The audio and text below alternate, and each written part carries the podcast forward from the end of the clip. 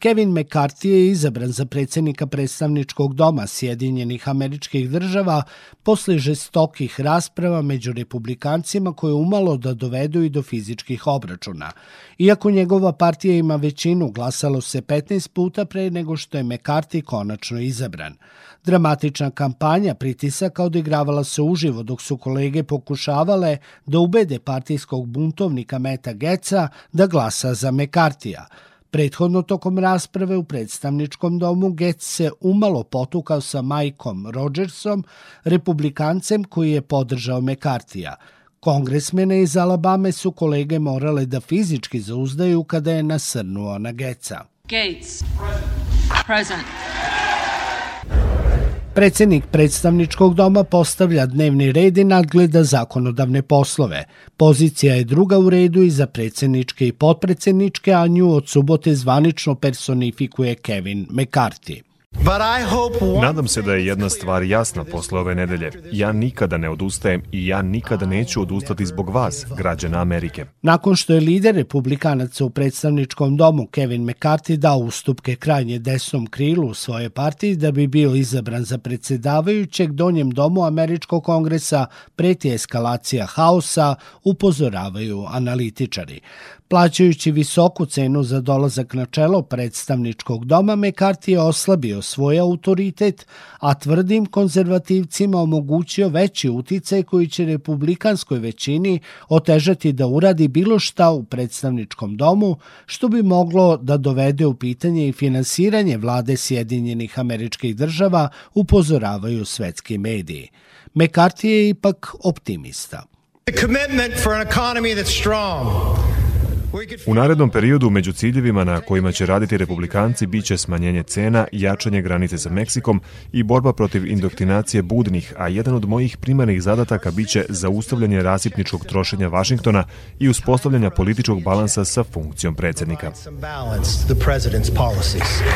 Predsednik Amerike Joe Biden mu je čestitao na pobedi i rekao da se raduje saradnji sa republikanskom strankom. We can work together. We can get things done. Mi možemo da radimo zajedno, mi moramo da radimo zajedno. Amerikanci očekuju od njihovih lidera da vladaju tako što će potrebe građana staviti pre svega ostalog i to je ono što sada treba da učinimo. Najviše pozicionirani republikanci insistiraju da se nastavi istraga umešanosti Josefa Bidena u poslove njegovog sina Huntera u Kini, Rusiji i Ukrajini, između ostalog i tokom perioda od kada je postao predsednik predsjednik pre dve godine. U izveštaju predstavljenom na konferenciji za novinare u četvrtak iznose da je Biden lagao američki narod o navodnoj umešanosti u poslove svoje porodice, kaže James Kamer, novi predsednik nadzornog odbora predstavničkog doma. Želim da budem jasan, ovo je istraga protiv Josefa Bidena, a pozabavit ćemo se i kongresom. Predsednikovo učešće u bogaćenju njegove porodice jednom rečju zloupotreba najvišeg reda. Lider republikanaca u predstavničkom domu već je bio pod teretom tanke većine svoje partije i osnaženog desnog bloka. Sada su ustupci koje je dao da bi došao na funkciju predsedavajućeg obezbedili pobunjenicima dodatno oruđe da poseju nered po predstavničkom domu. Marka Dašića, profesora Fakulteta političkih nauka i člana Udruženja za međunarodne studije, pitamo da li to praktično znači da je moguće da dođe i do svojevrsne blokade rada Donjeg doma Kongresa, što bi značilo da možda neće moći da izglasa zakone koji bi obezbedili finansiranje vlade ili finansiranje federalnog duga, a što bi moglo da ima katastrofalne posledice po Sjedinjene američke države. To je možda i naj ekstremnija posledica koju možemo da anticipiramo u datom trenutku, naročito imajući u vidu sve događaje kojima smo svedočili u susret izboru predsedavajućeg predstavničkom domu. Međutim, a, uvek moramo sve ovo uzimati sa rezervom s obzirom na činjenicu da se ovo ne dešava prvi put. I 2016. kada je vršen izbor predsedavajućeg predstavničkim domom, tada je to bio Paul Ryan, ovaj, neki slični ustupci desnom krilu republikanaca su bili vidljivi. Međutim, današnja medijska pompa oko čitavog ovog a, preglasavanja, glasanja, odlučivanja u 15 krugova nije ni nalik onoj koje smo svedočili pre a, šest godina. Mislim da ovo što se sada posmatra kao pobeda desnog krila Republikanske partije nije baš pobeda u pravom smislu reči. Pazite, tu je reč u maksimalnom broju od 20 predstavnika u predstavničkom domu, što čini jedan dosta nizak procenat ukupnog broja republikanaca, što znači da je veći deo republikanaca u predstavničkom domu zaista profilisan umerenije, da tako kažem. Ovo jesu a, ljudi koji su po a, svojim uverenjima Trumpisti, koji svi odreda gotovo pripadaju tom freedom kokusu, odnosno kokusu za slobodu koji je od uvek važio za nešto ekstremniju opciju unutar republikanske a, partije a, i ono što su oni zahtevali da bi se Kevin McCarthy izabrao jeste njima išlo u prilog. Dašića podsjećamo da se Mekarti obavezao da će sačuvati takozvano Hastertovo pravilo koje nalaže da većina u većinskoj partiji mora da podrži predlog zakona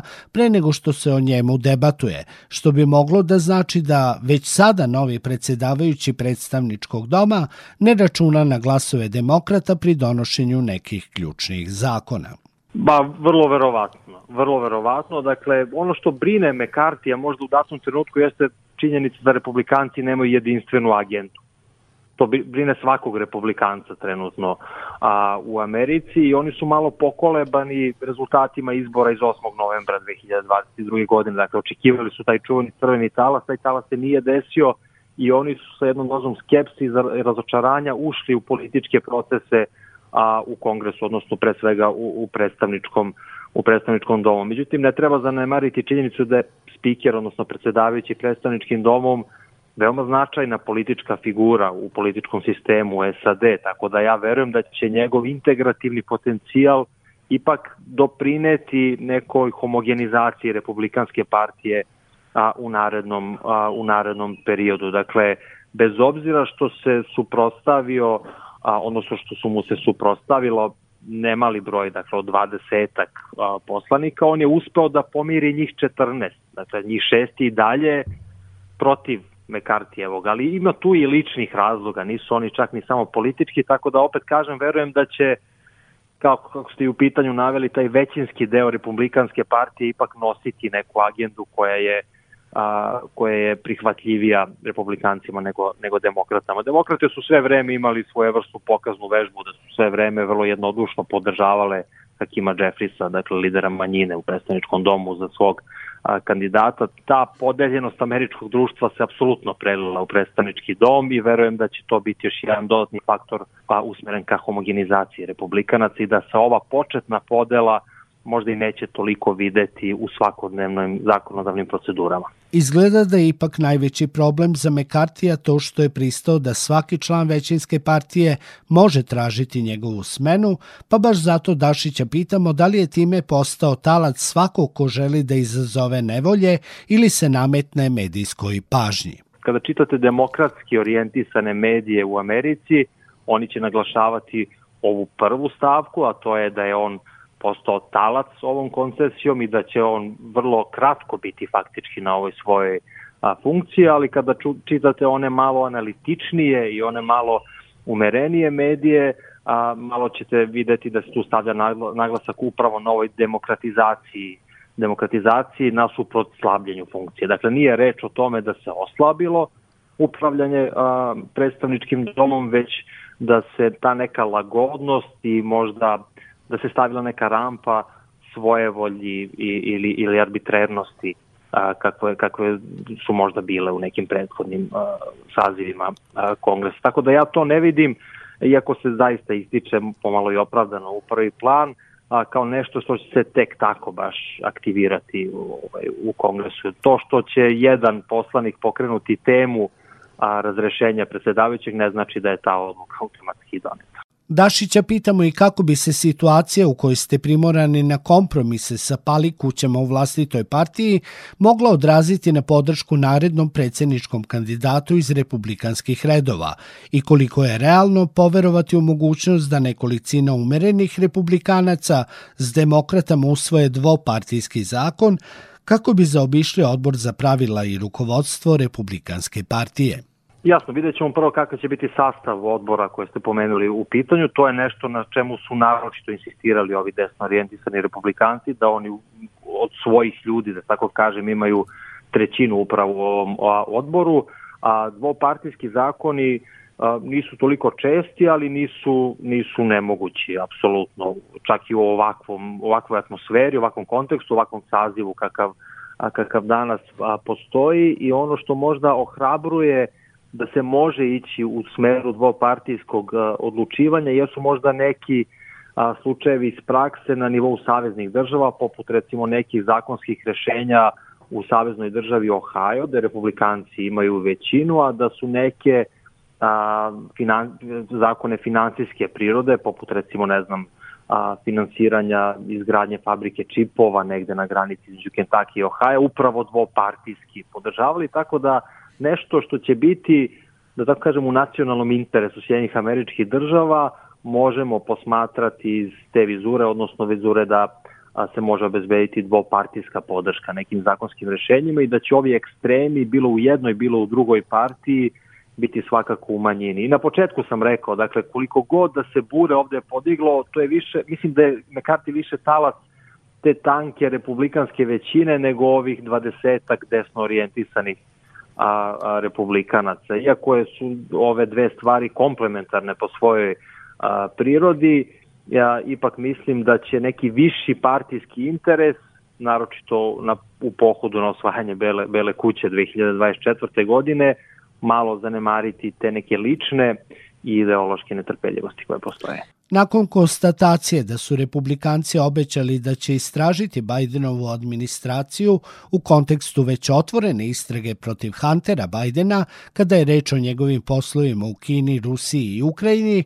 naročito u periodu kada Biden obavlja funkciju potpredsednika Sjedinjenih američkih država, ali i za period prve godine predsedničkog mandata. Profesora Marka Dašića za kraj pitamo koliko su ove najave i realne. Mislim da su potpuno realne i kada sam bio u odgovorima na prethodna pitanja govorio da postoje neke stvari koje ujedinjuju republikance na jedan kvalitativno viši način u odnosu na ovo glasanje za predsedavajućeg, između ostalog sam mislio i na tu međupartijsku borbu. Sigurno će republikanci jedno jedino ispostavit će se svoje uporište u, u saveznim organima, to je predstavnički dom, koristiti za istraživanje a, rada a, Joea Bidena i u jučerašnjim medijima imamo a, ovaj a, neke sporne stvari u vezi sa a, prve dve godine mandata Josefa Bidena, tako i naravno tu, tu uvek visi onako nad glavom Bidenu i način na koji je izvršeno povlačenje vojnika iz Afganistana. Sve su to sigurno stvari koje će opterećivati posebne komitete, ako ne i anketne komisije koje će se formirati u okviru predstavničkog doma, a koje će za zadatak imati razotkrivanje možda nekih nepravilnosti u Bidenovom predsedavanju, kao i ranijem političkom delovanju dok je bio potpredsednik u dve Obamine administracije. Nešto slično su radile i demokrate u susret prethodnom izbornom ciklusu, kada su dva puta pokušavale da odnosno i pokretale postupak opoziva Donalda Trumpa, pokretale istrage, jedna istraga u vezi sa 6. januarom i dalje a, u toku, tako da verujem da se ni republikanci neće li biti da koriste slična, ako ne ista sredstva kao što koriste i demokrate. Ali sve zajedno, to sad da se vratimo na sam početak, pa nesumnjivo pokazuje da će predstavnički dom u datim okolnostima biti pomalo a, paralisan u pogledu kvaliteta i kvantiteta zakonodavnih procedura koje, koje možemo očekivati u naredne dve godine. Prošlo nedeljna melodrama u predstavničkom domu na duži rok neće biti važna ako republikanci mogu da se ujedine i vladaju kao koherentna većina, ali ako ne mogu, zaključuje Wall Street Journal, McCarthy će možda zažaliti zbog visoke cene koju je platio, a mogla bi zažaliti i cela Amerika. Sektor Plus. Svet sa naslovnice.